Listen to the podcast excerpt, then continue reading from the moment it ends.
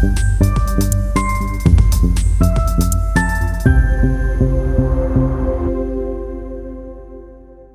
الله الرحمن الرحيم. السلام عليكم ورحمة الله وبركاته. عدنا لكم أعزائي المستمعين في حلقة جديدة. اليوم راح نتكلم عن الاكتئاب.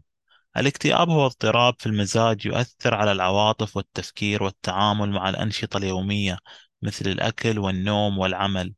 الاكتئاب هو مرض نفسي شائع. وقد تلعب العوامل الوراثية والبيئة المحيطة دور في الاكتئاب.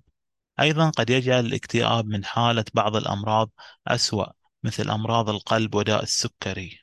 وأيضا يعتبر الاكتئاب أكثر من مجرد نوع من الحالة المزاجية السيئة. فهو ليس نقطة ضعف ولا يمكنك الخروج منها ببساطة. قد يتطلب الاكتئاب العلاج على المدى الطويل ولكن يجب ألا تثبط عزيمتك.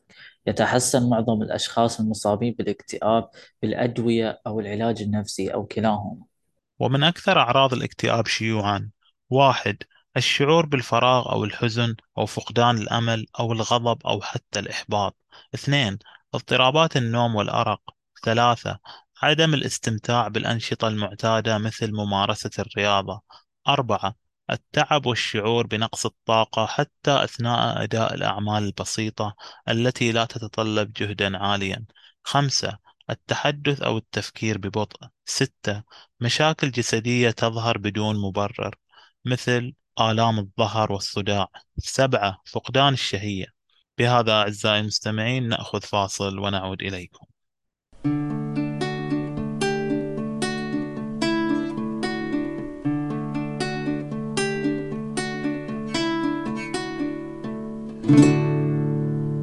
عدنا لكم مرة أخرى أعزائي المستمعين نكمل موضوعنا. المضاعفات. يعد الاكتئاب اضطرابا خطيرا. يمكن أن يكون وخيم الأثر على على الشخص وعائلته ويتفاقم الاكتئاب غالبا في حالة إهمال علاجه مما يؤدي إلى مشكلات انفعالية وسلوكية وصحية والتي تؤثر على كل مجالات الحياة.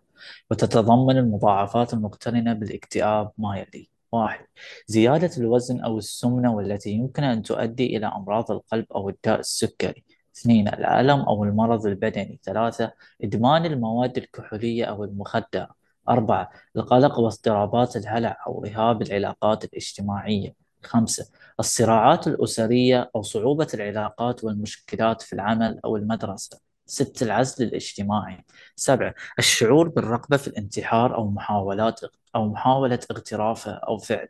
ثمانية تشويه الذات مثل جرح النفس. تسعة الوفاة المبكرة نتيجة الحالات الطبية.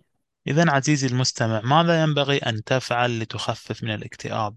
واحد قم بممارسة بعض الأنشطة البدنية مثل المشي لثلاثين دقيقة أو السباحة أو كرة القدم.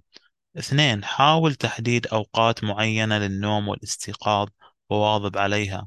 ثلاثة التزم بنظام غذائي صحي. أربعة حدد ما يجب فعله في حياتك وافعله. أما الأمور التي يمكن أداؤها لاحقا أجلها. خمسة حاول التحدث عن مشاعرك وأحاسيسك مع الأشخاص الذين تثق بهم. ستة أجل القرارات المصيرية مثل الزواج أو الطلاق أو تغيير الوظيفة. أخيرا أحب أركز على نقطة الصلاة.